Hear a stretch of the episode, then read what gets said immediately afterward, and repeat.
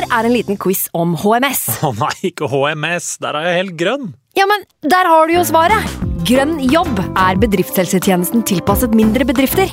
Våre HMS-eksperter hjelper mer enn 8000 bedrifter over hele Norge med alt fra lovpålagte HMS-krav til pålegg fra Arbeidstilsynet. Få på plass bedriftshelsetjeneste på grønnjobb.no. Hallo? Jeg kommer fra Oslo politikammer. Ine Jansen er purk. Er du purk? The motherfucking bitch. Alt jeg vil, er å finne ut hva som skjedde med mannen min. Jon Carew. Er jeg sikta for noe? Iben Akeli. Det er du. Ole So, Lars Berrum og Big Daddy Karsten. Hvem sin side er du på, egentlig? Anette Hoff, Tone Danielsen, Kommer du fra Afrika? Jørnis Josef, Nesten. Kløfta. Trond Espen Seim, Det er synd å si det, men det var feil mann som døde. Purk. Premiere tirsdag på TV2 Play.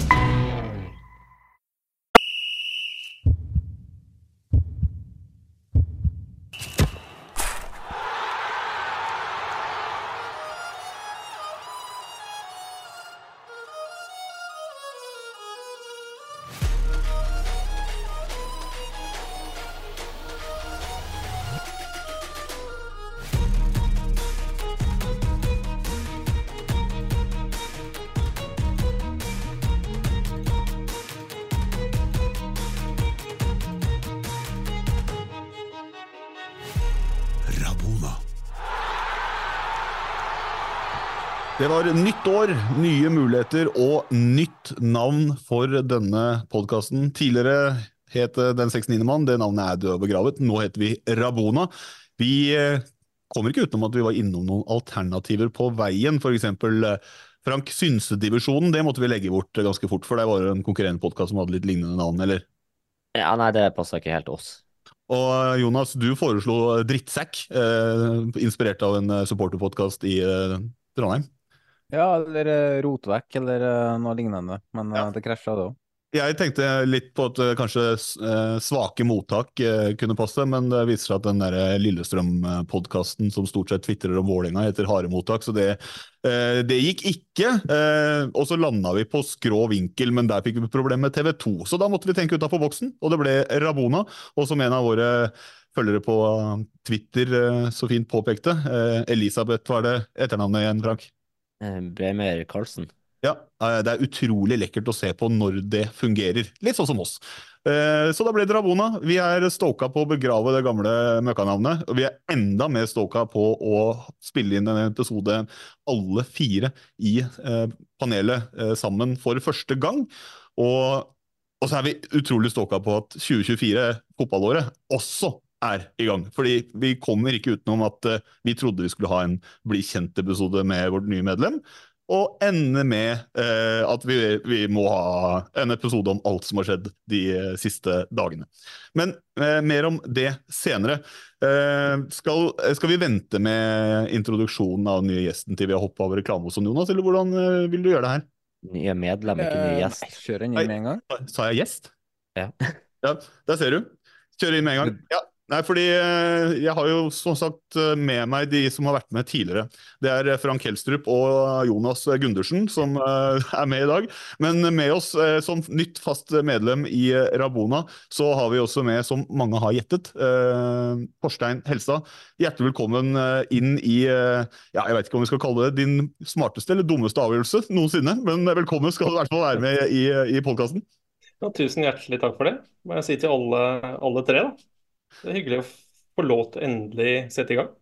Ja, og eh, vi skal eh, innom litt på eh, Bli litt kjent med Både vi skal bli kjent med deg og du, med oss og lytterne osv. Men uh, vi, vi, vi kommer ikke utenom at det er nok å ta tak i på, på det nye året. Så jeg håper du har forberedt noen betraktninger om hva som har skjedd i de siste, siste 24 timene, kanskje?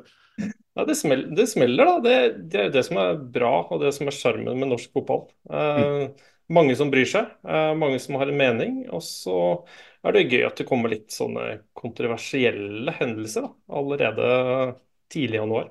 Ja, det, og det er jo stikkord her, kontroversielle hendelser. Eh, og ikke bare én, men to. Og ja, to og en halv, om jeg kan ta med det som skjedde litt sein, tidligere i dag.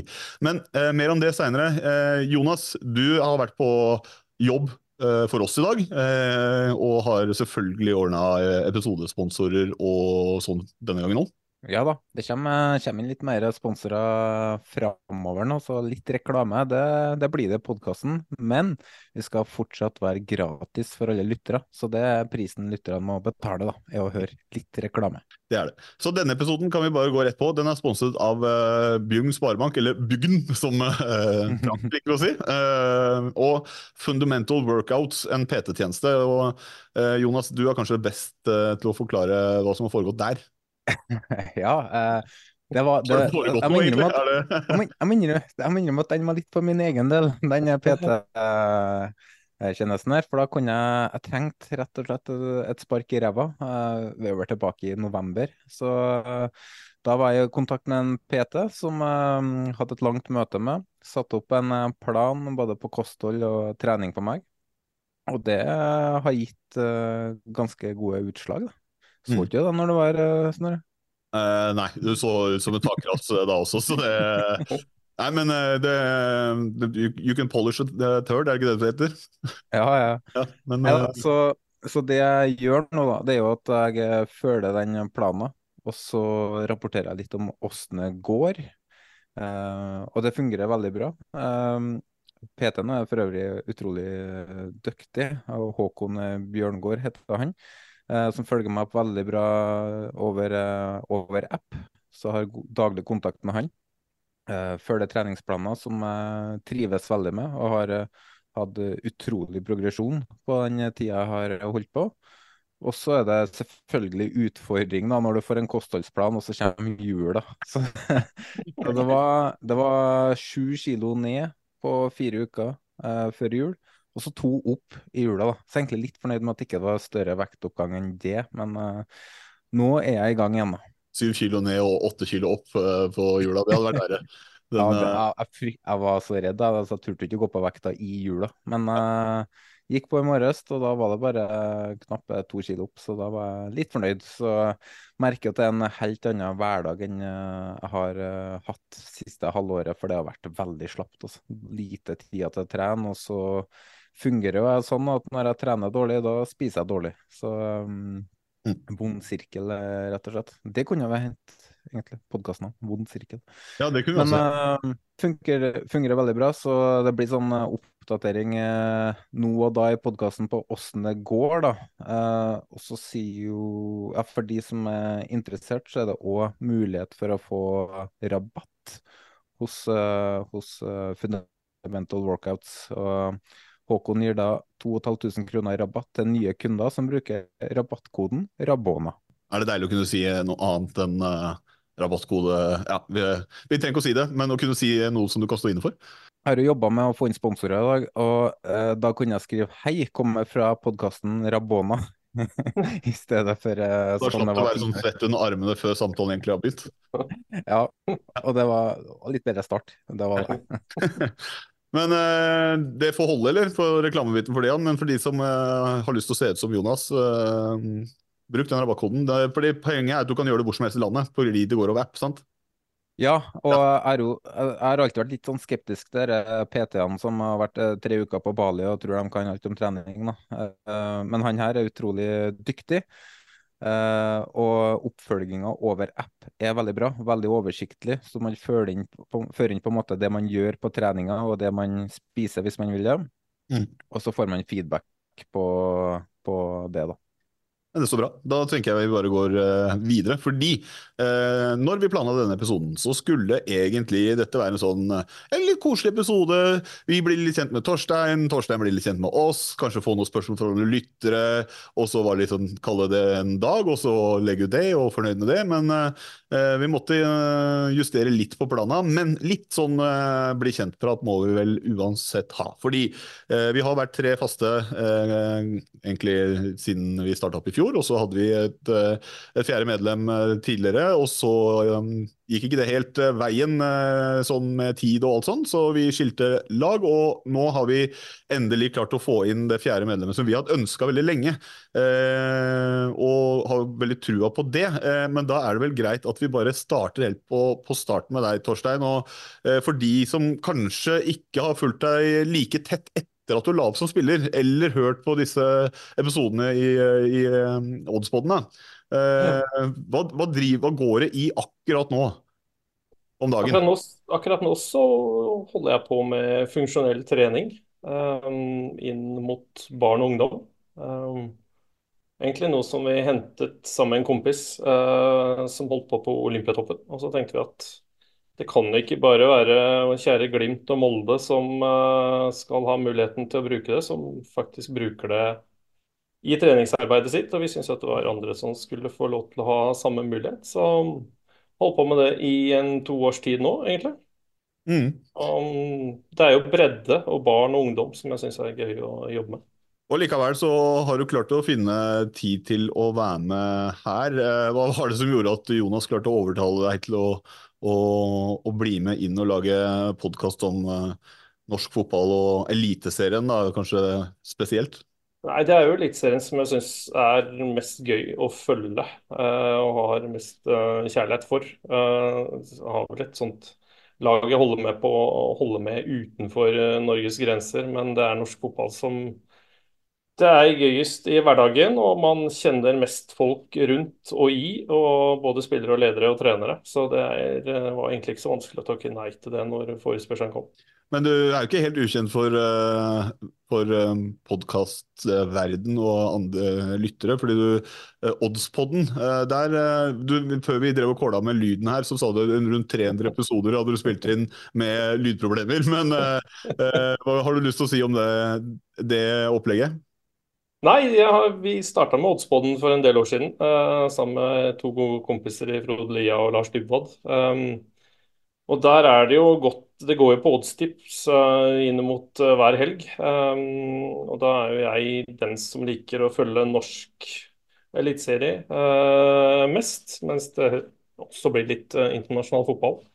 Så Sånn sett så passer jo miksen her veldig godt med det vi holder på med her, inn mot eh, det man eh, kan gjøre i helgene og den moroa man kan ta med seg inn mot det.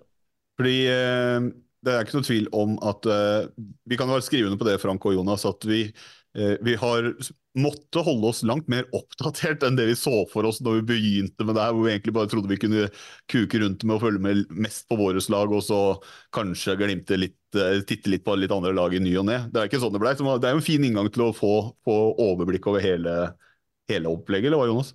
Man har øynene litt mer åpne, da. Og ørene, for så vidt. Man følger litt, eller man eh, tar til seg mer det som skjer rundt. da, og Så ser man kanskje litt mer på detaljene som skjer, i kampene. og så men jeg vil jo si jeg førte ganske mye med fra før òg, så det er bare blitt sånn eh, ja, tillegg, da, kan du si. Og da er det sånn at Frank, du er jo Glimt-alibiet. Jonas, du er eh, RBK-alibiet. Jeg var Vålerenga-alibiet i Eliteserien. Eh, det snakker vi ikke så mye om, men eh, det var liksom sånn det starta. Da må jeg spørre deg, da, Torstein. Hva blir på en måte ditt alibi? For du har jo en historie som spiller hvor du har vært innom flere klubber. Men hvor ligger hjertet nærmest for et lag i Eliteserien nå? Ja, jeg, har fått den flere ganger, jeg. Jeg har det. Jeg har jo hatt flest år i Eliteserien i Bergen. Det har jeg jo hatt. Så um og egentlig der man spilte mest av seg. Hadde vel i to sesonger i HamKam før man rykka ned der. Så det, det er jo litt sånn delt da, mellom det. Men jeg er jo en uh, Hamar-gutt. Det er jeg. Selv om HamKam ikke er moderklubben, så banker jo hjertet litt for, uh, for den byen man kommer fra også, så klart. Mm. Så jeg kan få lov til å være delt, da. Uh, ettersom Rosenborg-alibi allerede er tatt. Og så kan ha en fot innenfor Lillestrøm også, hvis det trengs etter hvert. Nei, det trengs ikke. Det trengs ikke. men øh, jo da, men øh, Jonas, du har vært litt inne på det før, at det er litt annerledes for øh, spillere og trenere, denne lojaliteten som kanskje vi som først og fremst er supportere føler på. Men kan du leve med at han tar HamKam og Brann alibiet på vegne av podkasten? Ja, altså det var jo eh, altså, Torstein hadde noen eh, fine år i Trondheim, han. Men det er jo klart, uh, det han opplevde i Bergen med Brann, og, og, i tillegg til at han er fra Hamar, jeg skjønner jo at det veier tyngre enn en det oppholdet han hadde i Trondheim. Og så er spørsmålet, Frank, Hvordan skal du klare å få Torstein over til å bli Glimt-alibi nummer to i poden? For det er jo sånn dere opererer om dagen? Vi må først selge han til Tromsø, og så kjøper vi han derfra. Nei da. Men uh, da har vi i hvert fall uh, tatt litt om uh, det. Du skal få lov til å holde med hvem du vil. Ja? Kanskje skyte inn et spørsmål fra Werner Vatland her da, til Torstein. Åssen Mm. klubb uh, hadde du aldri villet spille for? Åh, det, det er et godt spørsmål. Eh, Klubb jeg aldri ville ha spilt for. Eh, Bastia ville jeg aldri ha spilt for. Pga. Forholdet til Le Mans, eller? Eh, Nei, i forhold til uh, tribunekultur, uh, rasisme, den biten der, Ja. så kunne jeg aldri ha trådt, dratt på meg den drakta. Så kan det være en annen, disk annen diskusjon, men det var den opplevelsen jeg satt igjen etter vi var der med Monaco. Men ingen i Norge du tenker at ah, de hadde ikke jeg eh, De hadde ikke jeg giddet spilt for oss. Jeg er jo ikke helt Thomas Myhre heller. Han har jo tatt på seg ganske flere drøftere enn meg. Men eh, Nei, det er vel ikke noen sånn spesiell klubb. Det er det ikke. Jeg har vel vært borti spillere som har eh, gått i ja, eh, fra Brann til Rosenborg i sine tider og sleit med blod utafor leiligheten i snøen og sånne ting. Så det Karadas. ja. Så det er jo noen som har opplevd eh, verre ting enn meg. Jeg ble jo ikke akkurat godt likt når jeg reiste fra Brann, som hadde muligheten til å komme i Champions League heller. Så det er jo sånne småting som sitter der. Men jeg tror ikke det er noe sånn drakt som Nei, æsj, den kunne jeg ikke tatt på meg. Du kan jo si det sånn at det blir eh, bra å få inn eh, spilleralibi, da. For vi har jo hatt eh, supporteralibi her, og det blir veldig mye følelsesstyrt rundt eh, mye av argumentene våre. og Det kan det sikkert bli i dag også, men disse betraktningene her med at eh, man tenker kanskje litt annerledes som spiller når det er en karriere inn i det her også, som er veldig aktuelt for dagens episode, det håper vi du får eh, kan bjuda på litt etterpå. Men før vi hopper videre i det, vi må ta noen korte ting om om, eh, om karrieren din. Hvis du skulle oppsummert karrieren din relativt kort, da, for de som, eh, de som ikke kan den utenat, hvor hvordan ville du gjort det? Eh, en bratt kurve med noen eh, dype daler, eh, tunge stunder. eh, opplevd uh, Vært heldig å oppleve å vinne ting med fotballen. Det er vel det som er det viktigste, egentlig. Har vel fått noen gullmedaljer i posten også, så det er liksom Man kan vel ta med seg alt, selv om man ikke har bidratt like mye. Men uh, sitter igjen med mest positive opplevelser. Det er vel det som er uh, bunn og grunn det beste. Hvordan er det egentlig å få en gullmedalje i posten? Er det, hvordan, hva er følelsen rundt det? Nei, det det er spesielt. Jeg fikk gull og sølv samme året, da. Så eh, det er jo Da hadde jeg i hvert fall klart å backe opp tre. Eh, nei, det gir ikke, gir ikke like mye, det. Uh, I hvert fall ikke når du har bidratt så mye. Så høydepunktet i karrieren er kanskje ikke å få tilsendt medaljen i posten, men hvis du skal trekke fram eh, et høydepunkt eller to som eh, du sitter igjen med? Eh, nei, å, å vinne noe i Bergen når de har tatt over 40 år, eh, er jo spesielt uansett. Eh, det, det kommer man ikke utenom. Eh, og så har man opplevd å spille Champions League mot Real Madrid borte, f.eks. Det er jo sånne ting som egentlig unner flere i Norge. Så mm, det er sånne, sånne, sånne ting. Det, det glemmer man ikke fort. Frank, du jobber jo hver dag du, for å prøve å få spilt Champions League med ditt kjære Storm. Du er et stykke unna, eller? Ja, nei, femtedivisjonen i Nord-Norge er kanskje et par hakk under, ja. Ja. Men Du eh, glemte å si det dårligste laget i femtedivisjon i den dårligste divisjonen som er i Bodø. Det glemte jeg å si.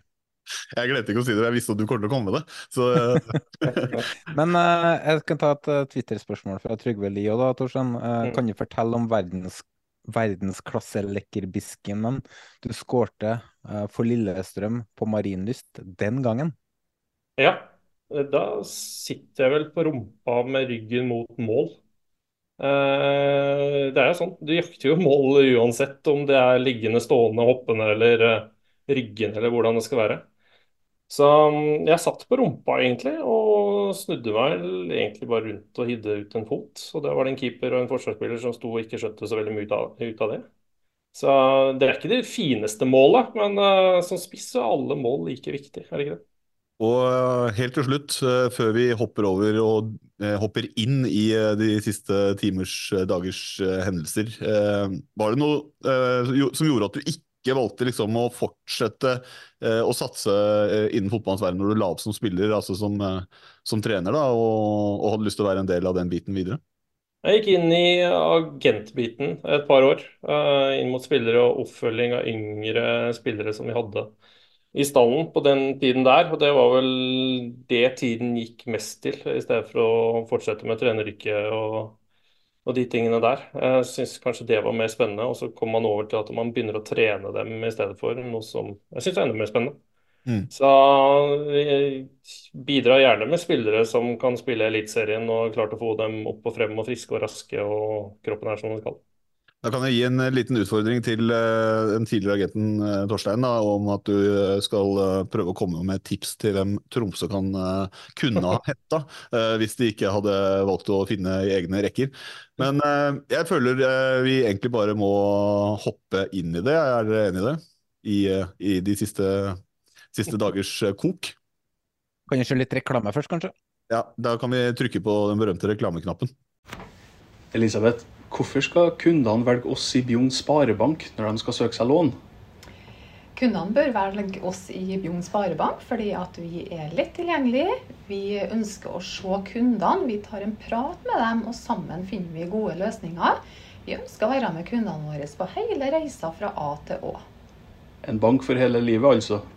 Det vil vi tro, og det er jo sånn vi vil oppleves òg. Vi skal være der når kunden ønsker å prate med oss, og de skal slippe å forklare seg eller fortelle historien sin en gang til. De møter den samme rådgiveren hele veien. Rabona. Det var Bjugn eh, Sparebank, eh, det. Eh, Det har skjedd litt de siste dagene her nå. Og årets forsvarsspiller Jostein Gundersens kontrakt gikk ut 31.12. Og ikke overraskende var det fjorårets seriemester Bodø-Glimt som var interessert i han. 11.12. ble det klart at eh, Glimts assistent gjennom mange år, Morten Kalvenes, skulle til Per-Mathias Høgmos Uriva Diamonds, eller hva det heter for noe, i eh, Japan. Uriva Eh, Red Glimt Diamonds. Diamonds. Ja, var nesten riktig. Eh, Glimt måtte derfor på trenerjakt, og på tirsdag så smalt bomben. Og da de første ryktene begynte å gå, trodde de fleste at Jostein Gundersen skulle til Glimt, var den største bomben den dagen. Men kort tid etter så smalt den virkelige bomba for Tromsøs suksesstrener Gaute Helstrup, som eh, vi trodde skulle gå til Lillestrøm etter en sesong, tar da turen til Bodø-Glimt for å bli assistenttrener. Karina Olseth, velkommen tilbake til deg. Um, Takk, takk. Du, har, du har jo erfaring med å være forræder. Hva gikk gjennom hodet ditt på tirsdag? Jeg skjønte ingenting. Jeg skjønner egentlig fremdeles ingenting. Eh, nei da. Eh, det kom jo sånn lyn fra, fra klar himmel, jeg må jo si det. Det, det, det blir jo en sånn ny uh, greie i Tromsø nå. Hvor var du da? Ja. Hva gjorde du når du fikk høre den nyheten? Du, jeg, jeg har to barn, og det var planleggingsdag i barnehagen i går. Eh, og da, det vet jo dere som har barn, at da, da går det i ett. Og så fikk jeg et lite sekund hvor jeg bare var inne på telefonen, og så, så står det sjokkovergang på VG, og det var bilde av Gaute, og så tenkte jeg det her går ikke an. Så måtte jeg bare rope, rope til resten av gjengen. Og da sa, da sa jeg faktisk F-ordet høyt foran mine barn på tre og fire år, og det er jeg fremdeles litt flau av. Men det kom veldig spontant og ekte. Frank, vi har fått et uh, lyttespørsmål fra Morten Kvarme. Uh, hva gikk gjennom uh, ditt hue når du fikk den nyheten? Nei, jeg fikk jo vite om det her gjennom noen kilder en og en halv time cirka før det ble breaka oppe i Tromsø at han Helstrup skulle til Glimt, og det Jeg trodde jo ikke på det først. Det var, det var jeg, jeg trodde det var noen som kødda med meg, og så Det var kommer ingen som trodde på det. Nei, så kommer liksom kilde to og kilde tre og sier det samme. Bare sånn shit. Og så, og så sender han Jonas meg bare en melding. Uh, Frank Helstrup går til Glimt. Og bare sånn jeg, får, jeg har hørt det nå, men jeg tror fortsatt ikke på det. Så nei, surrealistisk og ja, nei, jeg, jeg tror enda ikke det har gått opp for meg. Men, uh... du har jo også meldt det på tull til oss noen ganger, eh, Frank, eh, i chat med meg og Jonas om at eh, dere skulle hente han eh, Nå kalles det noe, da. På en skala fra én til ti, hvor, hvor sjokkert ble du når en sånn type spådom faller inn? En sånn tullespådom? Det er jo klink, klink tier. Altså det, er jo, det er jo sånn man sier bare på kødd, og gjerne for å bentre litt grann mot uh, f.eks. Tromsø-supportere, at man skal bare ha det litt gøy på deres bekostning. Men man tror jo aldri på sånne type ting. Vi kan jo fortsette uh, med Helstrup etterpå, men det kan jo gjøre oss ferdig med den første, og kanskje, kanskje mildeste først. da. Jostein Gundersen, som da har vært i Glimt siden han uh, var 80 år, tror jeg, så han er 19 år, da. Så han, som han har vært i, i Tromsø, med, selvfølgelig. Eh, og eh, ja, rett og slett eh, Han er jo fast lytter av podkasten her òg, og har vært gjest tidligere. Så spørs om han kommer til å høre på denne episoden her nå. Ja, det spørs. Hva, hva tenkte du på, Torstein, når du Ja, hvis du tar Jostein Gundersen først, da. At det er en del av fotballen blitt. Uh, uansett hvordan man tenker som supporter, så er det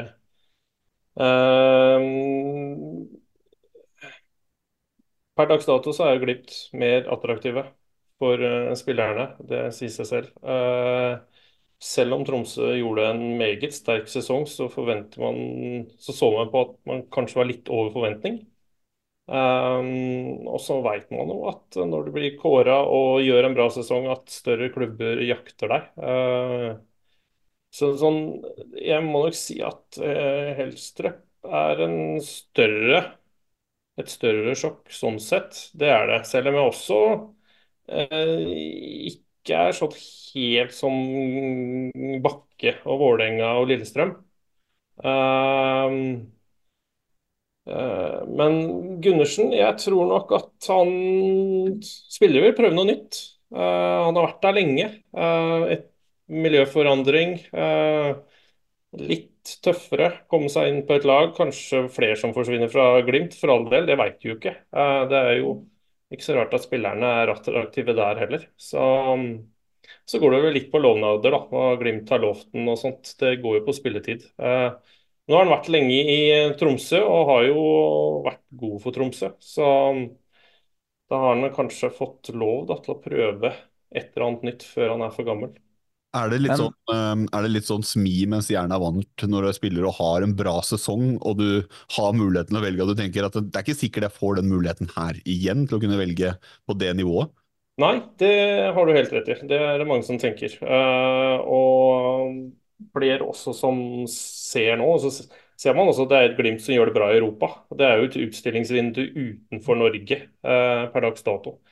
Eh, og så skal det jo, kan det hende at Tromsø skal ut i Europa neste år. Eh, så det kunne jo vært det. Men eh, han har vel sikkert blitt lovt eh, masse spilletid. Eh, og da frister det jo å gå til dem som var eh, best i Norge i år. Kjøper Helena, du, du var jo med oss her tidligere i år eh, med en episode med Gaute. Og eh, kort tid etter at vi var ferdig med innspillinga, så kom jo nyheten om eh, Daniel Bassi hadde gått til Glimt. Så vi måtte jo kaste oss rundt dagen etter. Er det litt déjà vu, eller er det her enda verre? Ja, det, her, det, det her er jo litt Det er jo verre fordi det er to stykker på en gang, og det er liksom to sånne etablerte Tromsø-stjerner. Det er liksom, blant supportere så er jo Gaute og, og Jostein er jo på en måte våre karer. Og så er jeg jo eh, litt eh, sånn eh, uenig med det Torstein sier, fordi eh, Glimt blir jo forsterka.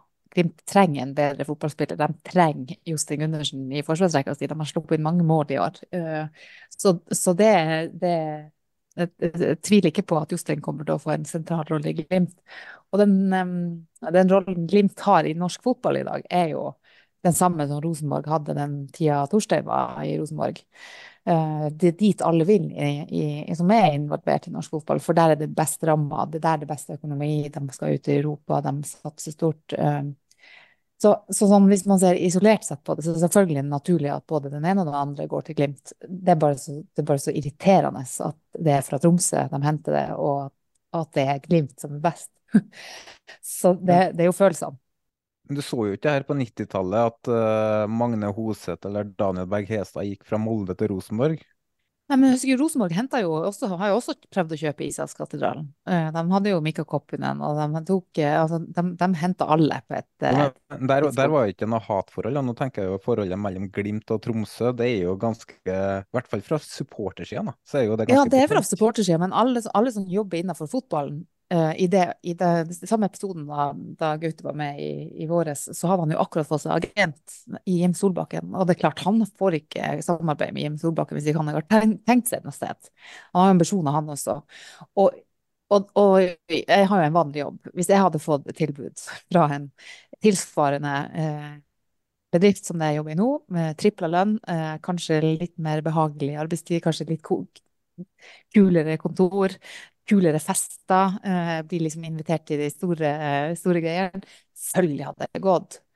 Så i alle andre yrker så er jo det her en helt naturlig greie, men fordi det er fotball, fordi folk er supportere, fordi det betyr så masse for folk, fordi Jostein har vokst opp i, i Tromsø og, og vært middelmådig i en årrekke, og så den første gode sesongen han har, da drar han.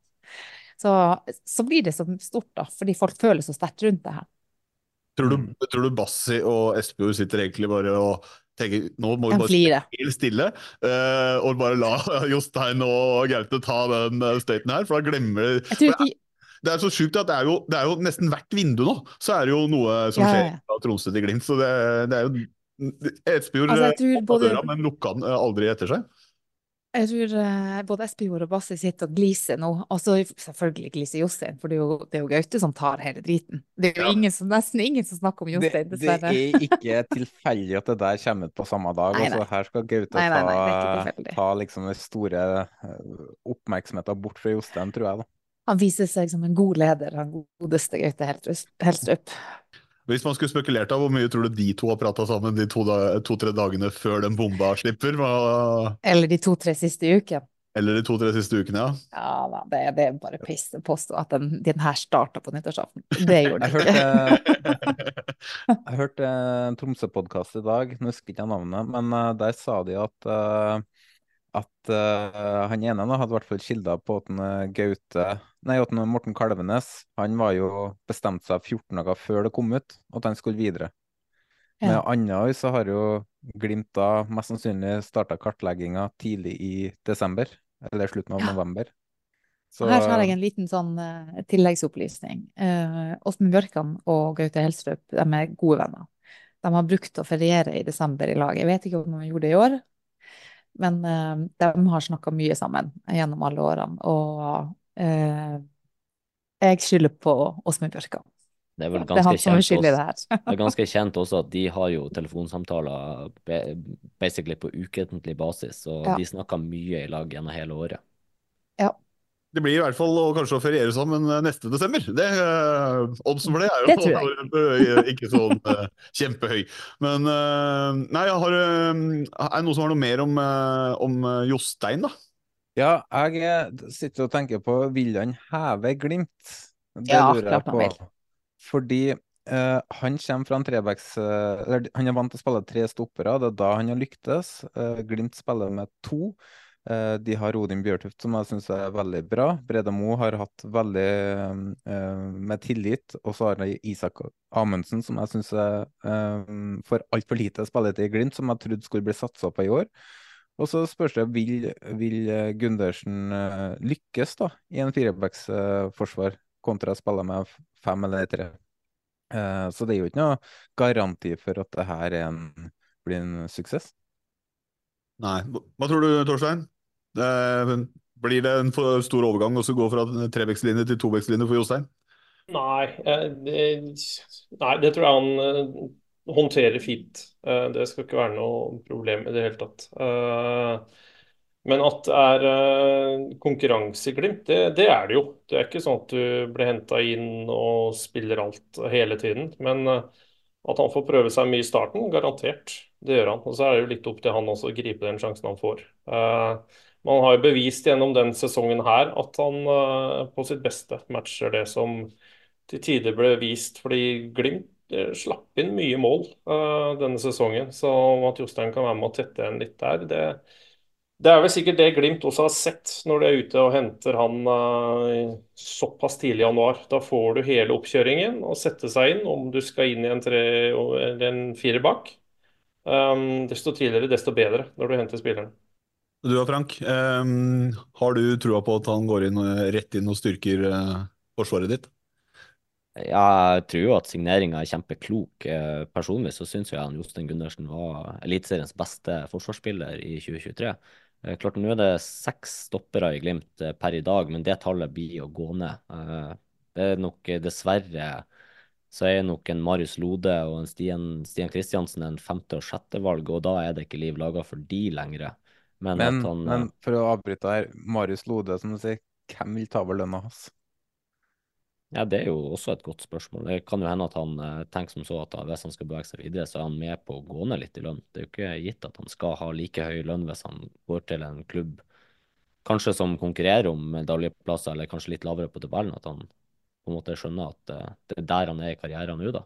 Men jeg tror jo at for Jostein Gundersen sin del, så tror jeg at konkurransen i kommende sesong kommer til å stå mellom at han, Odin Bjørtuft og Isak Helstad Amundsen skal spille, og så skal Brede Mo være en slags eh, mentor og, eh, som blir å spille da det er helt nødvendig at han spiller. Men jeg tror det er de tre førstnevnte som blir å ta de to plassene. Skal vi eh, rett og slett bare gjøre det som man må gjøre etter en sånn overgang, og hoppe inn i slangelista? Å, det er lenge siden. Ja, det er lenge siden. Jonas, har du, har du lista oppe, eller? Jeg har den foran meg, kan jo gå gjennom den. Jeg tror sist gang vi hadde liste var når du var her, Karina. Det var vel bassen? Ja, jeg er liksom jeg er sånn slangespesialist. Ja, det, det, det er det, det du har blitt. Geir Bakke er faktisk sisten vi dro inn på lista. Nei, det må ha vært Basti. Det var vel etter Geir Bakke? Nei, Geir Bakke, for han, eh, jeg fant lista på Twitter. På, jeg måtte jo inn på Frank sin eh, Twitter og leite. Mm. Og eh, da var den lista komplett, skulle jeg til å si, uten eh, Bakke. Ah, okay. Så jeg kan gå gjennom, da. Vi, er på første, vi har eh, ti stykker. Og på førsteplass har vi Mathias eh, Nordmann, fulgt av Geir Bakke, Veton Berisha, Amor Lajoni, Daniel Bassi på femte. Så har vi Runar Espejord, Kjetil Rekdal, Martin Andresen, legenden Jonas Sundet på niende, og så har vi Sean Røskeland og Bataljon på tiende. Det er jo uh, allerede uh, mye X-TIL der, uh, og mer skal det kanskje bli. Eller mer skal det jo bli. Så da er det jo, for de som husker denne lista fra den gamle gamle navnet vi hadde på podden, så går vi rett og slett over eller under, og vi kan jo egentlig hoppe over noen plasseringer her. Og, og Kunne starte med Espejord eller Bassi, da. ja, Espejord var sjette? Ja. Ja, Da kan jeg spørre deg, eh, Karina. Jostein Gundersen, vil han være over eller under eh, Runar Espejord på en liste eh, som det er for deg? Jeg tror han vil være over eh, Espejord, fordi han Tromsø Altså, han Espejord hadde jo allerede gått til utlandet, Mm. men det her er det her er en uh, born and raised Tromsø-gutt, så jeg tror han må over. Ja, og kan jeg egentlig bare spørre deg videre, så er det over eller under Basse, da? Se om vi får noe Ja, han er over Bassi, altså. Ok, ja, det er det er bra start. det er Bra start. Torstein, eh, du har kanskje lyst til å nyansere litt. Eh, blir det over eller under eh, Espejord Bassi her for deg?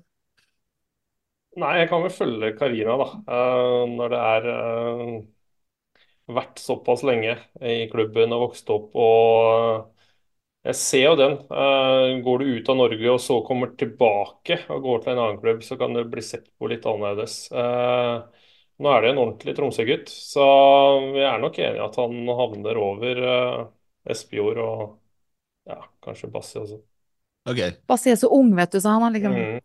det, det, det er Ja, sånn skal skylde på er rådgiverne hans, tror jeg. Karina, du skyldte på rådgiverne sist, du. Ja. Men Jostein, han gir ikke han den outen. Nei, han er 27, da. Ja, jeg trodde han var årets unge spiller jeg, i Eliteserien hvis du hadde oppsummert det, for jeg, synes, jeg trodde han var så ung.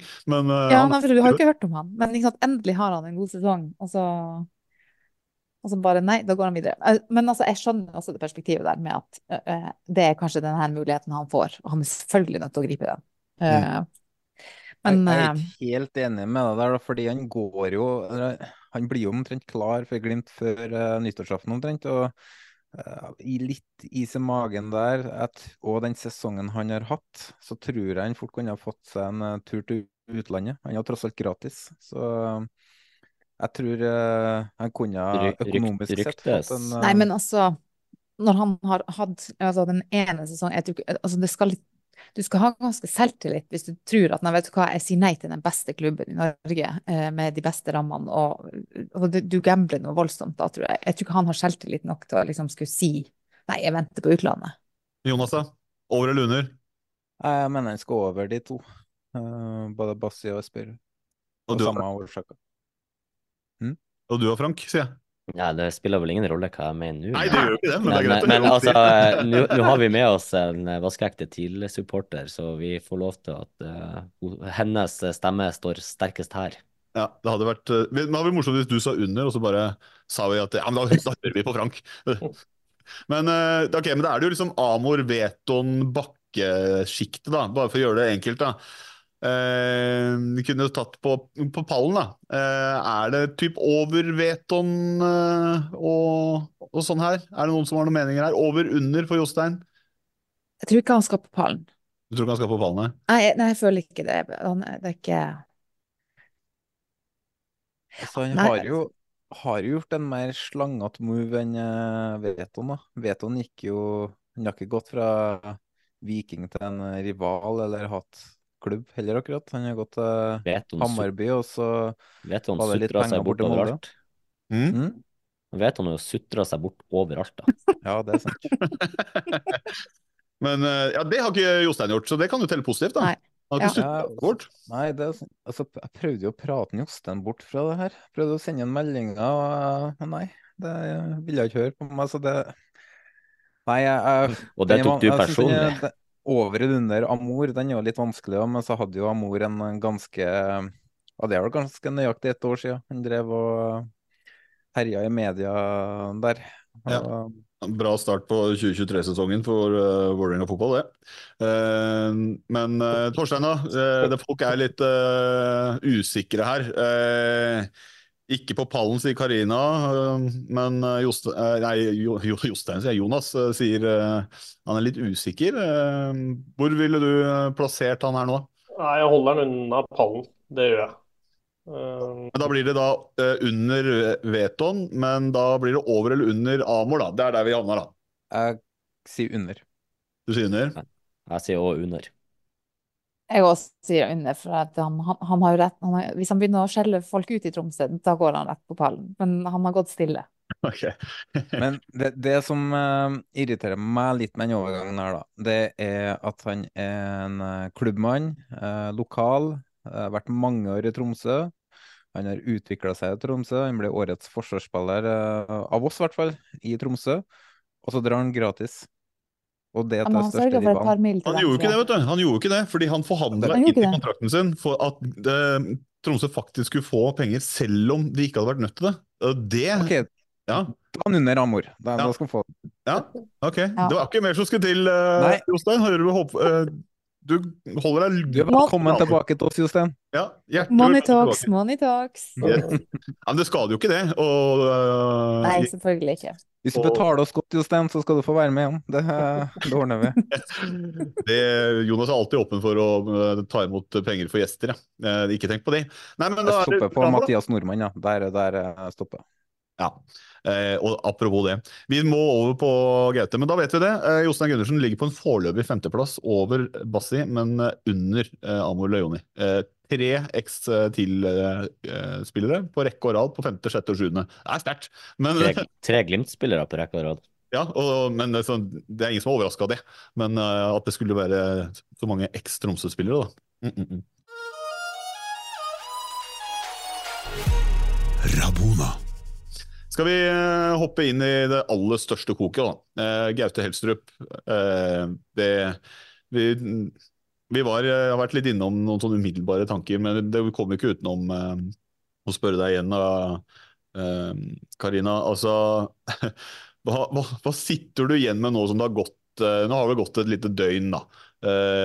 Og du har fått prosessert. og Får du dette til å gi noe som helst mening, eller er det bare helt blåst?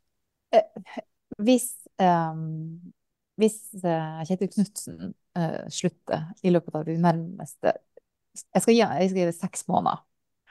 Da er det greit. Og eh, Måneder, Helstrup- Det er det han har. Nei, altså, da, da har en på en måte forståelse for det, men han, Gaute kan ikke gå i flere måneder og år før han blir hovedtrener. Han, han må ha tatt det steget tilbake, for det er et steg tilbake å bli assistent. Uh, for å vite at det ligger en gulrot der, tror jeg. Og så kan vi snakke om det store laget, og at det er en, en grupp, trenergruppe, og jeg så Glimt prøvde seg på en sånn Ja, men nå har vi vi har, vi har styrka teamet i trenerteamet, for de er så likestilt. Og ja, jeg har jo vært oppe i Bodø som journalist og sett hvordan de jobber. Det er jo et team, trenerteam. Men det, det er også noe med en tittel. Selvfølgelig er det det. Gaute Helstrup han, han er hovedtrener. Han vil være hovedtrener. Jeg tror jo ikke det var så veldig mange som tror på det Frode Thomassen sa, at det ikke er noen fremtidig plan med Selvfølgelig. Nei, det tror jeg ikke er så mange som tror på. Selvfølgelig er det det. Frank, Men det er, jo, det er jo mye Det er jo ingen som forstår seg på Kjetil Knutsen, da. Og eh, kanskje ikke Gaute Helstrup nå heller. Og Gaute Helstrup snakka jo, når han var med oss, jeg har hørt han i andre podkaster òg, der han snakker om team. Det er det han snakker om. Han snakker ikke om seg sjøl, han snakker hele tida om teamet. Så spørsmålet er er han så veldig opptatt av det å være leder, og åssen rolle får han i Glimt? Jeg ser jo for meg at han får en veldig sentral rolle der, og med tanke på hvordan han har tetta igjen forsvaret til Tromsø i år, så er det kanskje der han får eh, hovedansvar da, på den defensive organiseringa, ser jeg for meg i hvert fall. Så det kan jo hende at eh, eh, de vil kanskje fungere som Geir Bakke og, og Petter Myhre i Lillestrøm, at de deler veldig mye på ting, men at uh, Knutsen fortsatt har, uh, har ordet, da. Jeg vet ikke hva du tenker, Torstein, som, uh, som har sett det her utenfra, du òg? Jeg er litt inne på at det må jo skje et eller annet med Knutsen i sommervindu, tenker jeg. At det er et eller annet i en eller annen klubb som har vært inne og sagt at eh, han er såpass høyt ønsket at vi venter ut den internasjonale sesongen frem til sommeren, og så kan han ta over i et overgangsvindu. Det høres veldig rart hvis Gaute skal gå der oppe i to sesonger til som en assistent. Eh, det tror jeg ikke han har gått til Bodø for å være.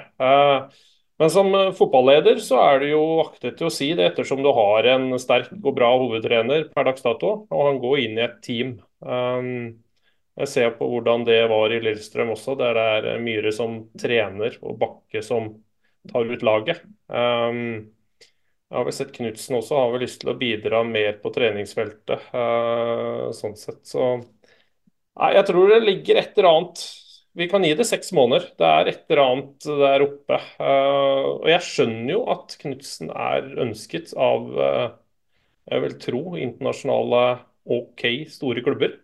Ut ifra det han har levert til Europa med Glimt. Uh, det er dit de ser hvordan de har gjort det mot gode navn i Europa. Så um, Nei, Gaute, inn fin, få opplæring, komme inn i systemet, komme inn i klubben, og så ta over etter hvert. Det er vel her vi skal hylle, hylle Glimt for denne klubbdrifta som veldig mange snakker om. Altså, de er gode til å drive klubb, og de er gode til å rigge seg for det som skal komme. Eh, så de har ikke henta han for at han skal være, hjelpe til å, å, å forsterke bakre rekker. Det, skal, det er jo ikke derfor Gaute Helstrup er der. Så det er Jeg at du i fire år går og plukker kjegler etter at alle er ferdig å trene. Det, det, Jeg, jeg, føler, dere ikke helt på seks måneder. Hvis vi sier tolv måneder, så tror jeg vi ser eh, mer den planen jeg tror Glimt har lagt her. For eh, Knutsen sin kontrakt går ut etter året i år. Jeg tror Helstrup er hovedtrener i Glimt neste år. Og Knutsen da følger hele denne Champions League-muligheten til Glimt i sommer. Og og spiller ut det, da. Så kan det godt hende at han Helstrup tar mer og mer over utover høsten hvis Glimt ikke går til Champions League. Men jeg tror Knutsen er ut året uansett. Jeg vil tilbake til den uh, hyllinga av uh, klubbdrifta i Glimt. da, For jeg ser jo på sosiale medier så får Glimt veldig mye hat fordi at de henter eh, ikke bare fra Tromsø, fra andre klubber, fordi at de er nå blitt det som Rosenborg var på 90-tallet. Men uh, Glimt må jo rett og slett hylles for det de holder på med nå. Både fra uh, det, det er mye vi kan ta Glimt for, og det har vi gjort i løpet av sesongen, men det går på andre ting enn det sportslige. Men måten de driver klubb på nå, det er kanskje noe av det bedre vi har sett i Norge siden eh, Rosenborg hadde muligheten til å gjøre det samme på 90-tallet. Skal du se det fra spillernes side, så skjønner du jo hvorfor spillerne vil til Glimt. Der de er i én sesong, og så kommer du og havner du ut i store andre internasjonale klubber. Det, de sitter jo på et sånn og kan styre egentlig rest, litt av resten av norsk fotball, av hvilke spillere de henter. Sånn som Gundersen, de kan hente andre, for de er såpass sterke økonomisk. Eh, og så veit også spillerne at lykkes jeg der, eh, det holder med én sesong, så kan jeg få et utholdens... eh, så det er jo det er ikke bare det på banen, det er det medmenneskelige også, tror jeg, rundt i hele Glimt, som de lykkes veldig godt med. Veldig viktig at alle holder med Glimt i Europa nå, sånn at de kan fortsette å gjøre det her framover. Ja, det, det- er veldig veldig viktig for, for norsk fotball ja, altså. at, eh, at vi har ett lag som bare plukker alt. Men eh, vi skulle ikke snakke om, eh, mest om eh, Glimt her eh, og klubbdrift, fordi Glimt har ikke gjort noe gærent sånn sett. Den som har gjort noe gærent, da, i gåseøynene, det er ikke ulovlig, men eh, i hvert fall på supportersida så er det jo en dødssynd, det Gaute Helstrup her har gjort. Og, og Jonas, du var jo innom litt på at liksom Eller du hadde lyst til å være litt innom på denne signaleffekten dette har fra Gaute Helstrup med å faktisk gå fra å være hovedtrener til å være assistenttrener hos erkerivalen etter at du har skaffa deg en bronsemedalje og muligheten til å spille Europa året etterpå, eh, i et prosjekt du egentlig har stålkontroll på og progresjon på året etter år. Eh, Og hva sitter liksom Tromsø IL igjen med når han nå har pakka bagen og dratt? De har jo en eh, Altså når, når Gaute gjør det her, så sender han jo et signal på at han har ikke trua på at han kan ta det her videre, og at eh, nå har Tromsø nådd eh, taket. Og det var jeg inne på etter sesongen vi hadde nå, at jeg tror Tromsø har maksa potensialet. Det har jeg riktignok sagt om Bodø-Glimt i fire år nå, men, men jeg, tr jeg tror det, de, det har vært lettere for Bodø-Glimt å komme dit enn det har vært for Tromsø. da, At eh, Tromsø har eh, Det er jo litt mindre med sponsormuligheter og billettinntekter osv. Det bør, men, det eh, bør jo ikke være det. Det er jo en større by, og det er jo flere folk å ta fra, så det bør jo ikke være vanskelig. Altså være... Det er jo den største og eneste byen i Nord-Norge. Å ja, å ja. Og fineste. Um, men eh, jeg tror eh, Ja, det, det er jo i hvert fall det signalet Gaute sender, da. Og så får vi se hva Tromsø gjør uh, nå framover. Mister sin beste forsvarsspiller, mister eh, treneren sin. Og nå er det jo snakk om at assistenten skal ta over òg, så nei. Um, jeg vet ikke. Det jeg syns er litt sånn, sånn skremmende eller ekkelt, er jo, det er jo Tromsø har vært ekstremt flink til å drive klubb og, og, og øke engasjementet blant folk. Altså, supporterne har strømma til, eh, og det har eh, det prosjekt Gaute har blitt en veldig folkelig greie, akkurat som det hele byen som står bak. Det er liksom folk, folkets klubb. Vi har vært en gjeng. Og så går han som på en måte gallionsfiguren som blir årets nordlending. Eh, så går han ut og liksom bare gir fingeren til hele prosjektet. Jeg tror det, der, det er mest ødeleggende. Og så ser vi jo i dag eh, at, at mange har meldt seg inn i Fortsatt Tromsø, annet jeg, eh, for å, eh, altså bare for å vise sin støtte om at klubben skal bestå. Vi har slått vi- fjorårets rekord allerede. ja, ikke sant. Ja. Og det viser jo at, at folket har ikke tenkt å svikte. Og den, den, den starten de har gjort med å, å bygge standing, både blant folk og for sponsorer og næringsliv i byen, det, skal mer til enn at bare Gaute forsvinner for at det blir ødelagt. Eh, så jeg, jeg tror ikke nødvendigvis at Tromsø kommer til å eh, bli dårligere, eller eh, Tromsø er jo ikke en klubb som, som er pallen, medaljeklubb på år etter år. Det er jo liksom en gang hvert tiår vi er oppe der. Og det tror jeg vi kommer til å fortsette å være. Kanskje hadde vi klart å være litt lengre hvis de hadde beholdt alle spillene, men Tromsø har mista viktige spillere før og, og klart seg. Så eh, jeg er ikke veldig bekymra sånn sett. Nei, altså Det er et solid fundament de har bygd opp over tid, da, men det, det er jo aldri en fordel å få en sånn uh, curveball som det her idet du nesten skal ta fart på oppkjøringa. Jeg kan jo bare, uh, Jonas, før vi går videre med noen siste betraktninger på denne overgangen, her, er det kommet inn noen noe spørsmål på, om Gaute på sosiale medier nå? Ja, det har faktisk kommet inn veldig mange spørsmål eh, i løpet av eh, siste døgnet. Eh, så jeg kan ta noen. da. Jeg kan ta et fra Instagram, fra Jakob Jansson. Mm. Eh, jeg kan sende til deg, Torstein. Argumenter hvorfor dette kan være et dårlig sportslig valg for Gaute Helstrup. Dårlig sportslig valg? Nei, jeg tror ikke det er sånn sportslig, så vi må nok gi det litt tid. Eh, jeg tror vi er inne på det. Frank også sier innen tolv måneder så kan det ha skjedd ganske mye i Glimt. Eh, selv om noen av oss andre sier seks måneder, så tror jeg det kan skje visse andre ting der oppe som gjør at han sitter i en eh, lederrolle etter hvert. Um, men all honnør til det han har gjort med det Tromsø-laget i år. Eh, det er sant. Og så kan han, han ha sett nå at eh, de skal ut i, tross alt, med litt hell ut i Europa. Eh, og kan jo ha fått seg en fin opplevelse og blitt ettertrakta der også. for andre klubber enn en Glimt. Men eh, jeg skjønner jo at Glimt gjør det såpass tidlig som i januar. Det gjør jeg. Og så kan det kanskje være en fordel for Tromsø også, at de får satt eh, et nytt trenerteam inn mot en hel oppkjøring. At det ikke kommer to uker før seriestart. Er enda et spørsmål fra samme mann. Kan ta til Frank. De fleste Tromsø-overgangene til Glimt har floppa. Hva skal til for at disse ikke gjør det? Eh, De fleste tenkte de da på Bassi og Espejord, så mener jeg jo ikke at de direkte har floppa. Espejord hadde jo en veldig bra 2022-sesong, og så har han jo vært skada hele 2023. og Det er jo kanskje den skadehistorikken som Glimt egentlig burde visst om på forhånd. Bassi, visste resten. ja, Bassi har ikke fått tid nok til å få satt seg, og han har konkurrenten hans heter Amahl Pellegrino. Så han, den gutten må de gi tid. Han er ung, og han kommer til å bli bra etter hvert.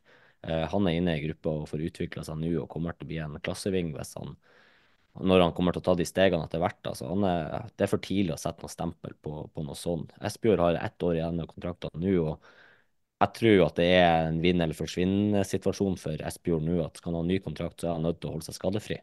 Nytt spørsmål fra Instagram eh, fra Erik Slørdal Kjemstad til Torstein. Eh, eh, hvordan stemmer eh, eh, Gaute Helstrups formasjonsbakgrunn inn i Glimts tankegang? Nei, det, det blir jo litt sånn eh, for å se om du kan dra med deg eh, fra tre.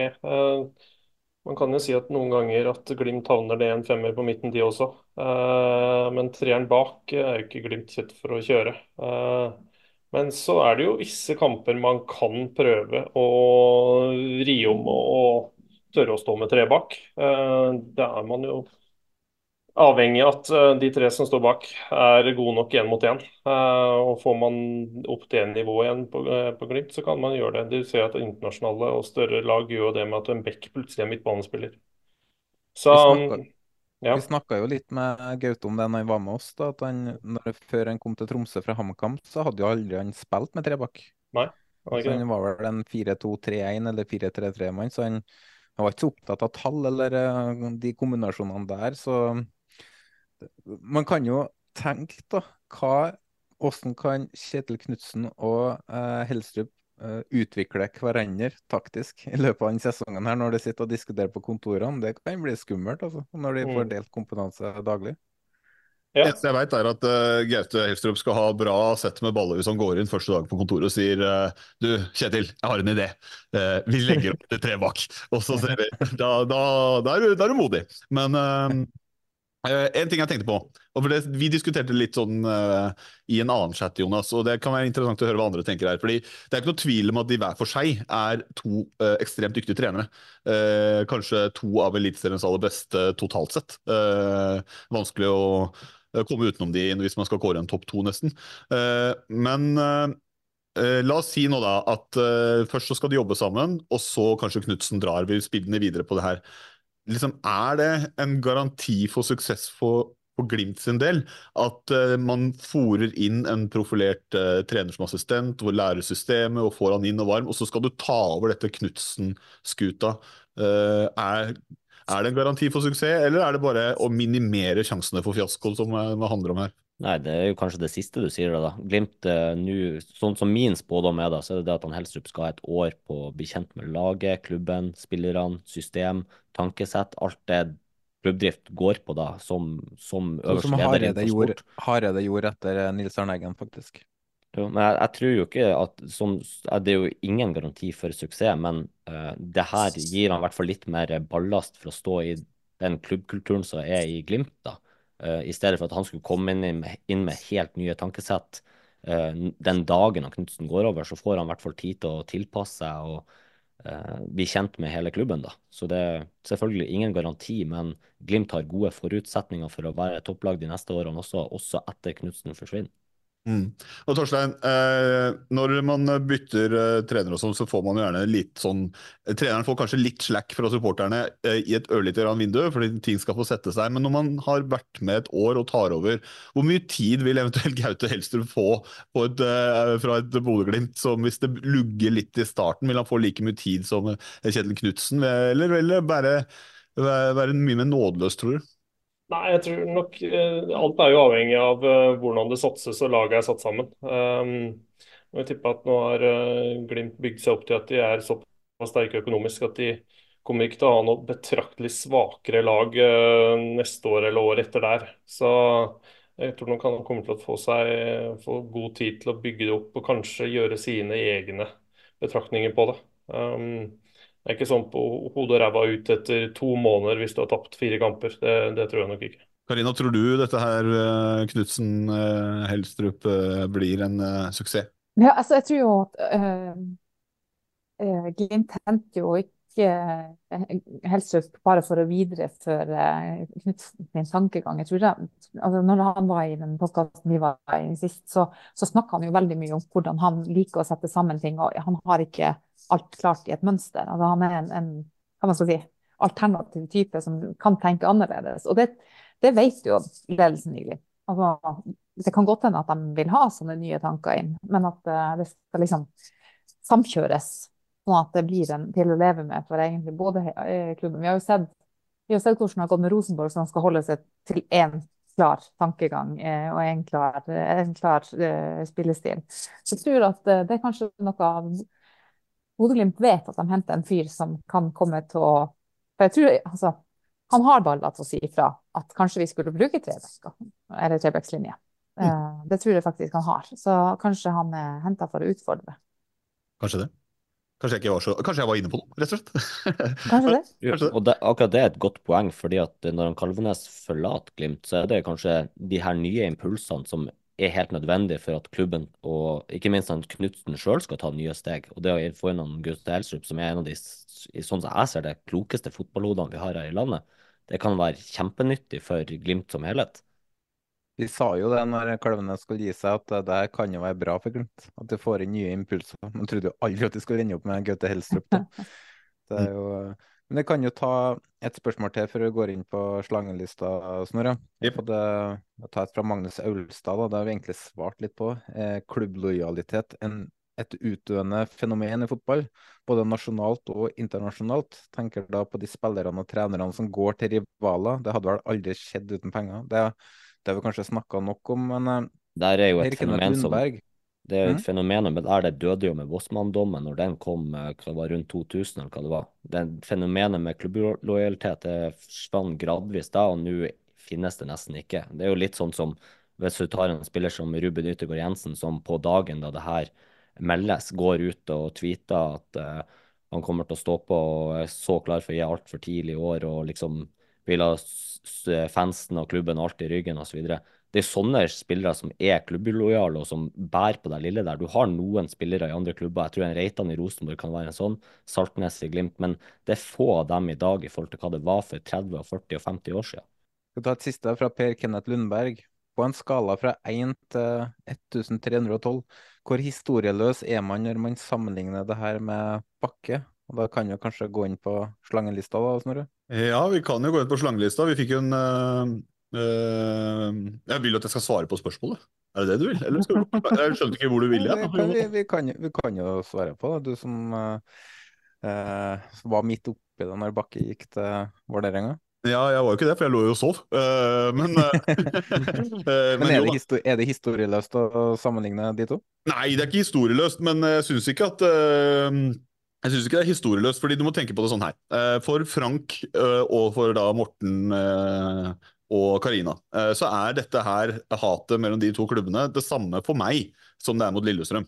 Uh, at vi er flere og større grupperinger, og at vi kanskje også at det er tettere, at det er mange Lillestrøm som bor i Oslo osv. Det er kanskje en dimensjon, men det kan man uh, også diskutere. Men at det er sammenlignbart, selvfølgelig er det det. Det er erkerivalen. Det er sjokkerende, og det er det. Men når det er sagt, så vil jeg jo påstå at det hatet mellom mellom Vålerenga og Lillestrøm som eh, strekker seg lenger tilbake enn eh, den rivaliseringa mellom eh, Bodø-Glimt og Tromsø historisk sett, eh, gjør jo at, dette, at det har en litt sånn ekstra dimensjon. Det er, det er en høyrisikokamp eh, hver gang de møtes. Eh, det er, det er, fare for at det blir stygt egentlig uansett. Og det gjør jo at for meg så er, er er Bakkes overgang midt i sesong også, for å ta med det, da. Eh, fra et prosjekt som egentlig har gått ganske greit. Eh, enda hakket mer Ganske greit òg.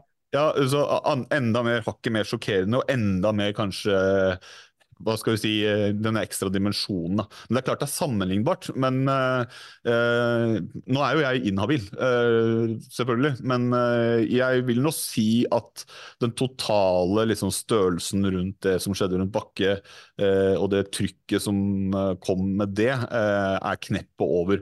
Men det er jo ikke sånn det føles ut for Frank og Karina, eller andre i Bodø-Glimt og Tromsø. Fordi det er deres klubb, og det er deres erkerival. Så jeg skal være veldig forsiktig med å sette meg på en høy hest og si at de ikke opplevde det samme At jeg opplevde det samme som Frank da, eh, den dagen. At han sitter og koser seg på samme måte som jeg gjorde da, eh, eller motsatt for eh, sånt. Så det hvis det er svar på spørsmålet Jeg mener det er større, men jeg er også inhabil. Og, og, og mener også at det er sammenlignbart. Det er veldig politisk korrekt her, følte jeg at jeg ble. Ble det? Du er litt kjedelig, du er litt kjedelig Snorre. Men hva tenker du også, Snorre Torstein, som er litt uh, både jeg og du er litt nøytral uh, her. Uh, kan det sammenlignes med Geir Bakke? Ja, nå har jeg vært såpass heldig å være med på de derbyene mellom eh, Lillestrøm og Vålerenga. Det er jo et Det er veldig mye følelser i akkurat de to kampene der i løpet av året. Eh, nå vil jeg tippe at det, samme er, det er det samme i nord, eh, også i de to kampene der. Eh, men når det skjer når det sies når det er under sesong, så gjør den Ja, den slangen er litt større, altså. Jeg, jeg, jeg sier det. Uh, uansett om kanskje det er noen som er uenig, men uh, den bakkegreia var Ja. Ja, og som Snorre sier, jeg føler at det har vært litt mer sinne da, og aggresjon mellom Lillestrøm og Vålerenga, som gjør det litt verre enn hva det er mellom Glimt og Tromsø. Men det spørs hva den overgangen her gjør med det framover nå, da, for det lukter lunt da, på Twitter at her er det litt mer sinne enn hva det har vært eh, tidligere. Og så er jo ikke akkurat uh, Glimt-fansen, de går ikke akkurat stille, det de heller. da. De, De er jo de er Det verste som fins. Hovere og styre. Jævlig irriterende. Hvis man først skal ha Ja, det er så er det jo i dag. Ja. Ja, men dere gjør det hele tida. ja. 365 dager i året.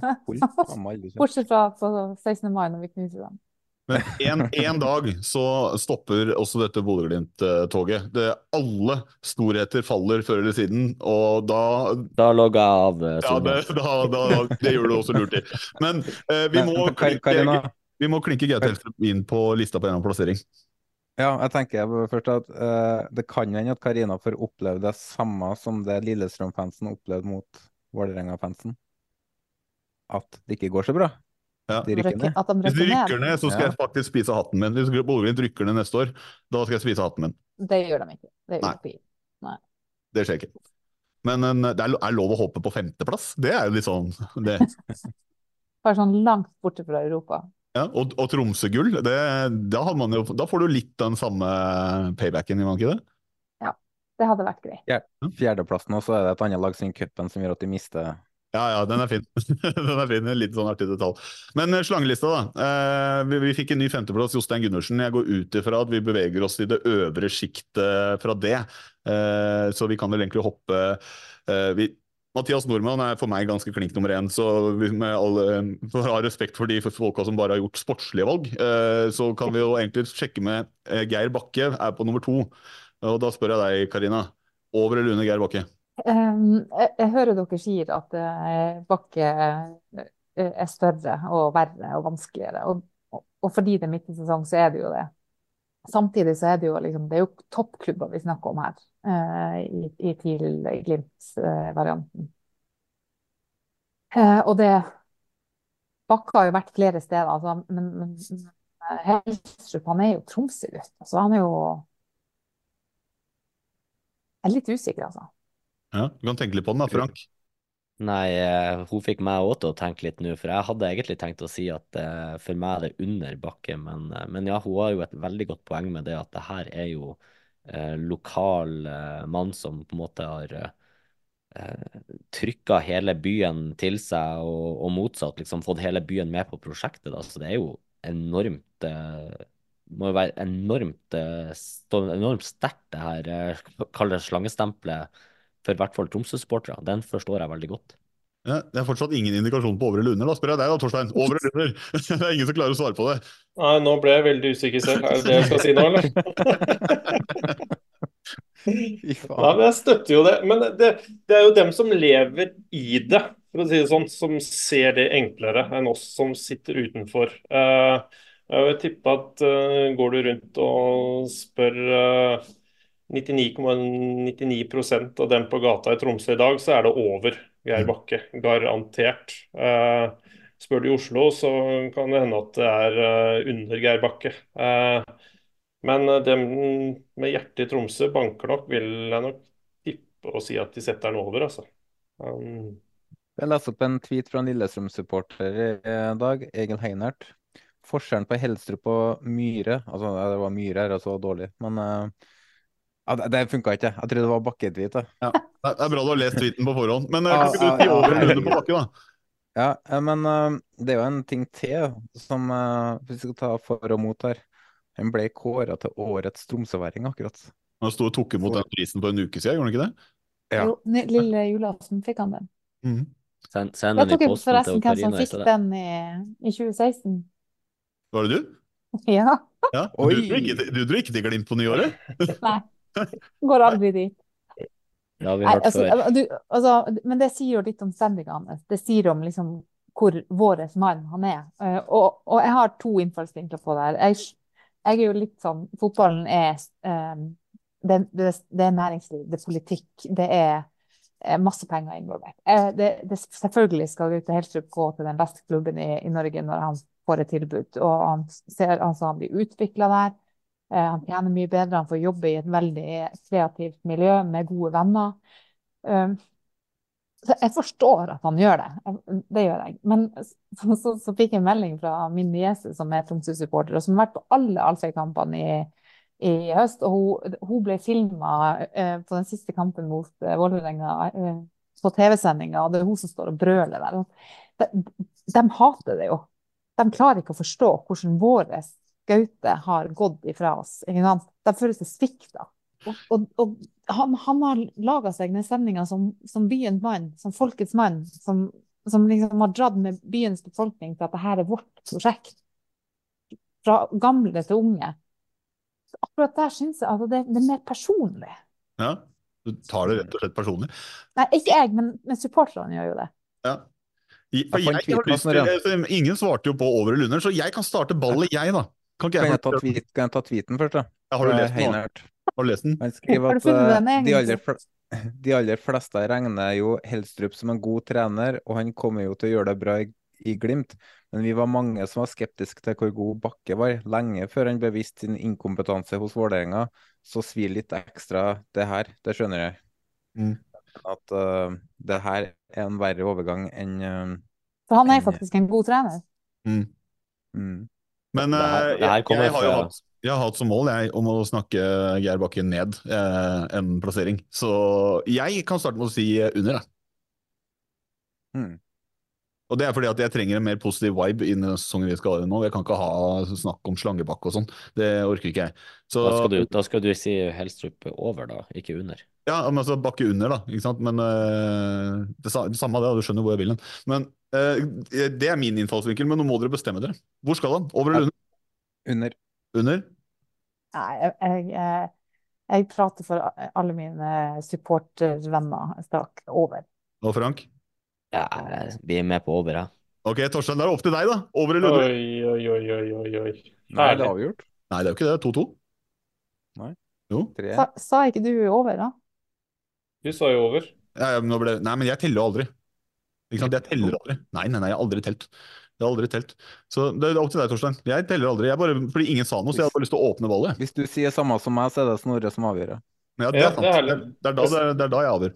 Ja, da, da ser jeg under, da. Så får vi se hva du sier, Snorre. Ja, men da eh, Åh, den her var vanskelig. Nei, men da ble det jo sånn, da.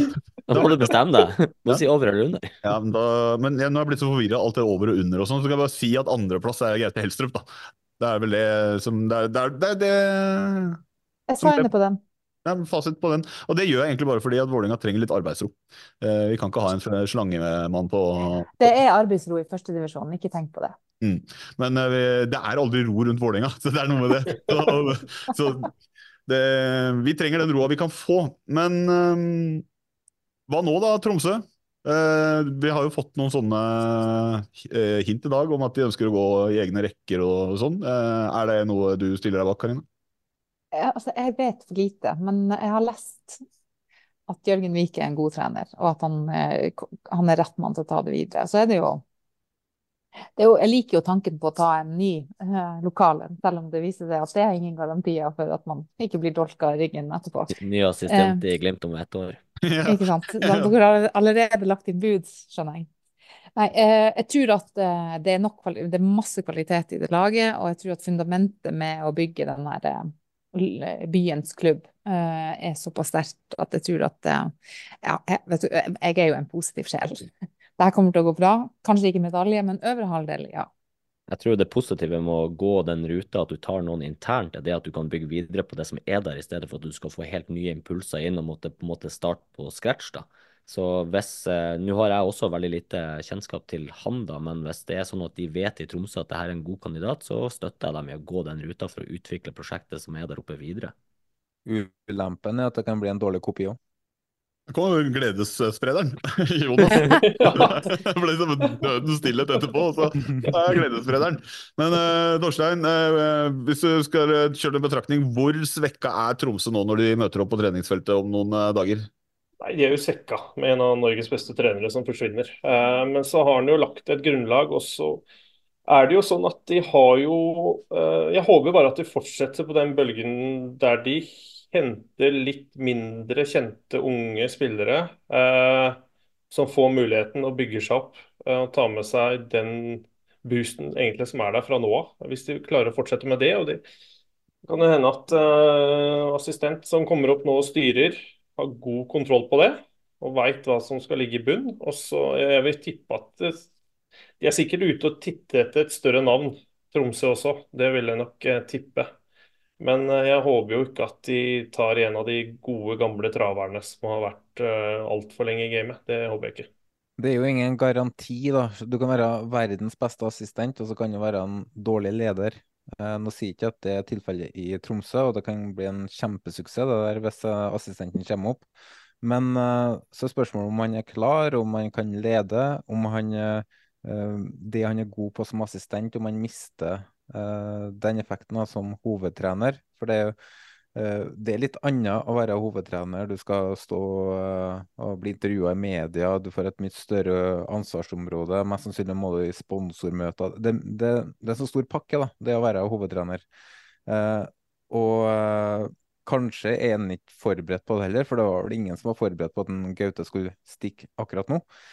Eh, hvis vi skal snakke om kandidater eksternt, da, eh, så eh, har jeg sjekka litt hva folk har skrevet, og åssen kandidater som har kommet opp. Og da er det jo sånn Kjetil Rekdal og Dag Ella Fagermo, som Torstein er inne på, de gamle traverne.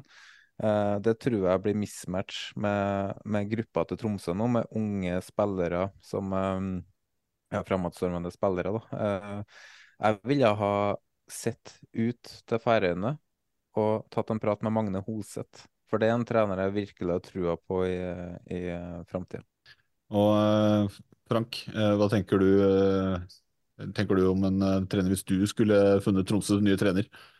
Nei, Jonas har jo egentlig en veldig god kandidat der. Han har jo tatt eh, Klaksvik. eh, Han, eh, Nå husker jeg ikke helt hva han heter, han som gikk til Fredrikstad fra Klaksvik. Men han, Hose tok jo over der. Han har jo egentlig videreutvikla det prosjektet som var begynt å bli veldig imponerende der ute. Han har tatt de ut til Europa nå for første gruppespill noensinne med Klaksvik. Det er, det er i hvert fall en veldig spennende trenerkandidat i han Hoseth.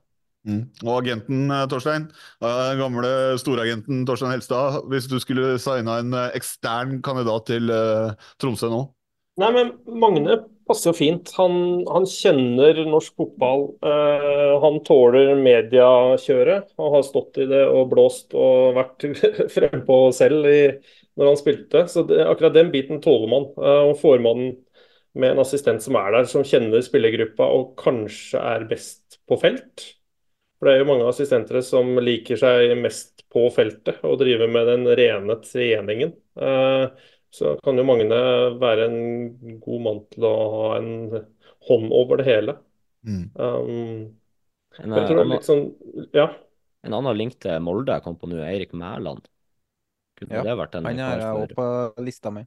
Det kunne jo vært spennende å se han i en hovedtrenerrolle nå etter eh, jobben han har gjort i bl.a. Molde. Det tror jeg er litt uaktuelt, for uh, han er jo i lag med Tollnes, som bor i Oslo. Jeg tror ikke jeg tror det er litt verre med Oslo-Tromsø-avstand. Men uh, uh, hvis Hoseth kunne komme, da, så vet du at da tar det to år, så går Hoseth til Molde, for da er, da er Mo ferdig der. Så er jo Vik fått enda bedre tid på å forberede seg på å være hovedtrener. Kanskje fått enda mer impulser fra Hoseth, og så er de bedre rusta, sånn at han kan være en framtidig trener. Han er jo bare et par og 30 år, ikke sant, Karina? Han eh, Ja, sånn. Og, det å hoppe etter eh, Helstrup, da. Jeg tror det at det, de får ikke samme plassering neste år uansett. Det tror ikke jeg de har fått med Gaute heller. Så Nei. hvis Tromsø kommer på en sjette-sjuendeplass neste år, så kan det være kjempebra. Mens det vil føles ut som et steg ned uansett. Da, da tror jeg det er bedre at det, det er under Magne Hoseth, og så får eh, Vik litt lengre tid på seg til å, ja, til å, til å utvikle seg. Altså, 33 år, han har jo 40 år som trener foran seg. Men du var jo inne på det, Jonas. Det kan gå begge veier. Og det, hvor mange var det som trodde at KFM skulle rykke opp når Jørgen Isnes stakk til Strømskose? Eller etter åtte kamper når de har tapt alle? om Ja, eller eh, enda lenger inn i sesongen. ikke sant?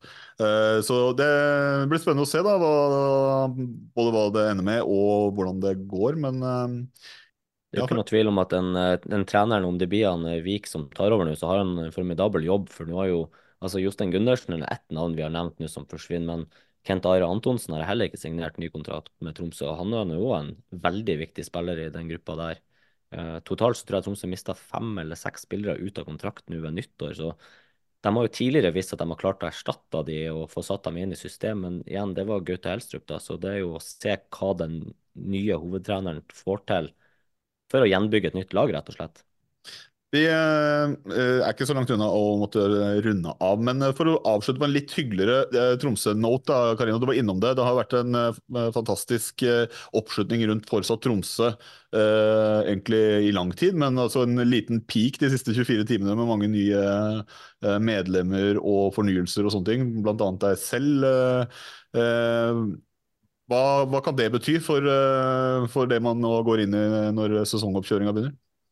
Nei, som jeg sier, jeg tror det har kjempemasse å si. Eh, og da, da, hvis man klarer å få en bølge med positivitet ute blant folk, og at man ikke sitter Det er jo lett å svartmale situasjonen. Vi mister den beste forspilleren, vi mister jern bak eh, spillestil og jern bak eh, bronsemedaljen i fjor. Eh, men at man kanskje tenker litt mer at men vet du hva, det her skal vi faen meg vise at vi står av, og, og at det finnes andre veier til, til suksess og bra sesong eh, enn enn bare en trener, og det har jo vist seg i, i TIL. Altså.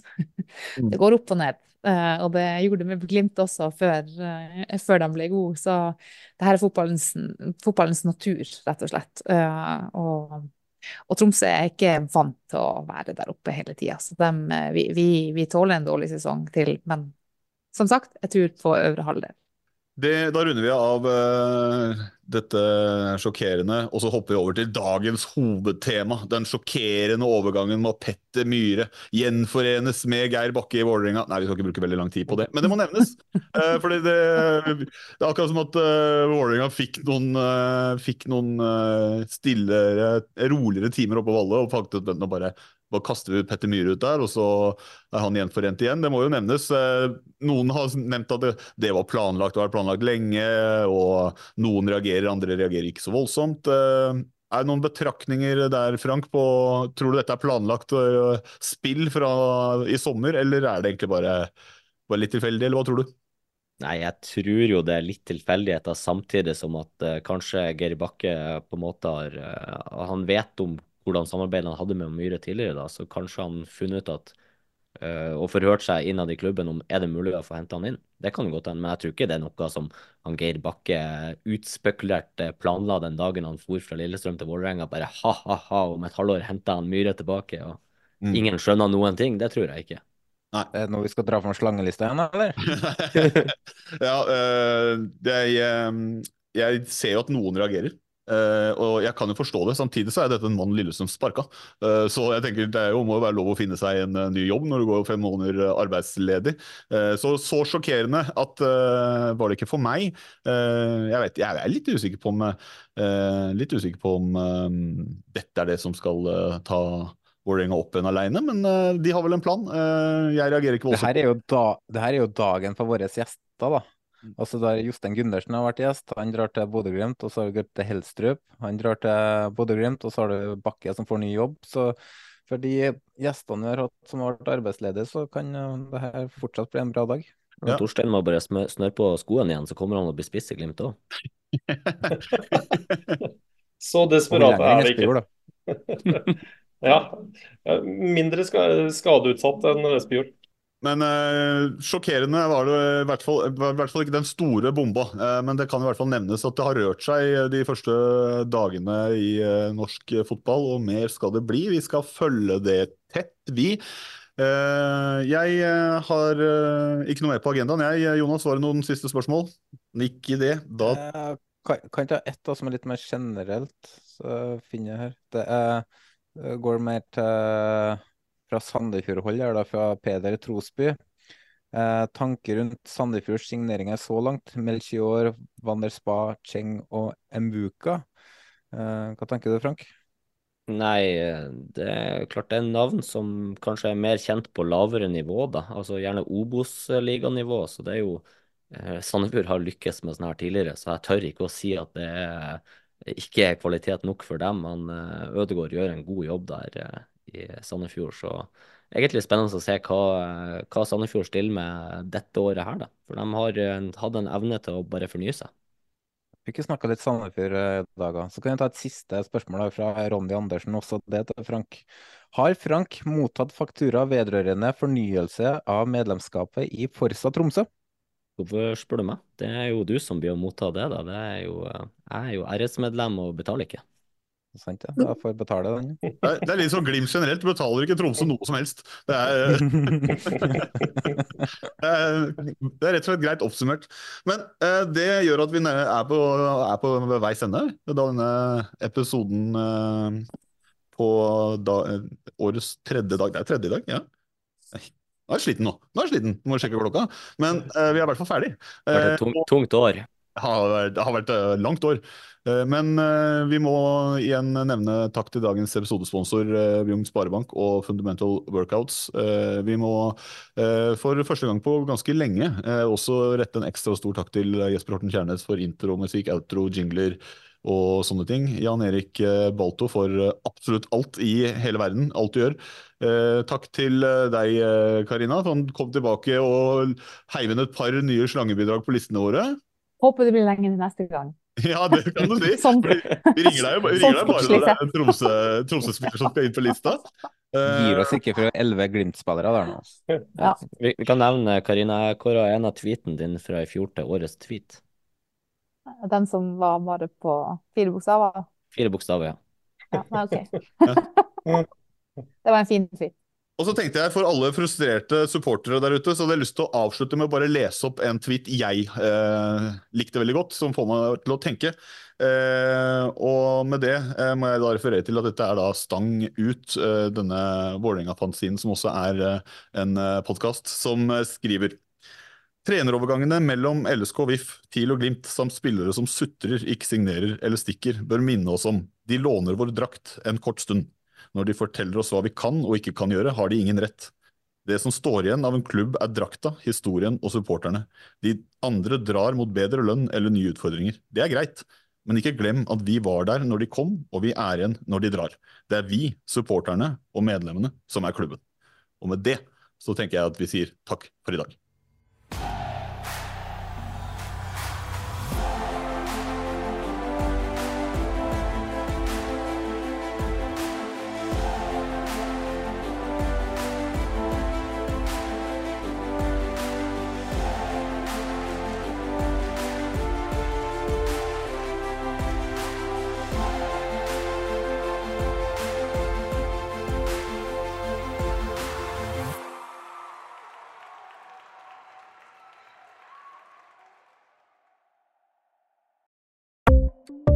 Ukens annonsør er HelloFresh. HelloFresh er verdens ledende matkasseleverandør og kan være redningen i en travel hverdag. Mange av oss har nok vandret i butikken både sultne og uten en plan for middagen, som ender med at vi går for de samme kjedelige rettene gang på gang. Middag burde være dagens høydepunkt. Som HelloFresh kan du nå velge mellom 25 ulike retter hver eneste uke, eller få HelloFresh til å sette sammen menyen for deg. Dette gir deg muligheten til å prøve nye og spennende retter alene eller sammen med familien. Du velger antall porsjoner og får alt levert på døren på et tidspunkt som passer for deg. Oppskriftene er enkle, og maten er lett å lage både for store og for små. Ved å få alt levert hjem får du også mer tid til å dele matgleden med familie og venner. Kanskje det frister med asiatiske tacos eller greskinspirert kylling? Da kan jeg anbefale deg om å gå inn på hellofresh.no. Her kan du bruke koden FOTBALL og få opptil 1779 kroner i rabatt på de første fem matkastene hvis du ikke har prøvd Hello Fresh tidligere. Du kan også bruke rabatten hvis du har vært kunde og stoppet abonnementet ditt for tolv måneder siden eller lengre. Gå inn på hellofresh.no og bruk koden FOTBALL. Ukens annonsør er Folio, en smartere banktjeneste for deg som har en egen bedrift eller ønsker å starte for deg selv. Folio er en superenkel nettbank for bedrifter. Som kunde i Folio får du en bedriftskonto med et bedriftskort og app. I denne appen er det smarte løsninger som forenkler regnskapet ditt, uansett om du har en liten bedrift eller et enkeltpersonsforetak. Folio er både intuitivt og brukervennlig, og er laget med et enkelt språk. I tillegg tilbyr de forutsigbare priser og ingen skjulte gebyrer. Skulle du likevel trenge det, så kan du snakke med deres raske og hyggelige kundeservice, og der får du prate med en faktisk person og ikke en chatbot. Folio er med andre ord både enklere og koseligere enn banken. Over 10 000 bedrifter har allerede valgt Folio som sin banktjeneste, så besøk folio.no og se hvordan Folio kan forenkle din hverdag også. Har du et enkeltpersonforetak eller en liten bedrift? Da er du sikkert lei av å høre meg snakke om hvor enkelt det er med kvitteringer og bilag i fiken, så vi eh, gir oss her, vi. Fordi vi liker enkelt. Fiken superenkelt regnskap.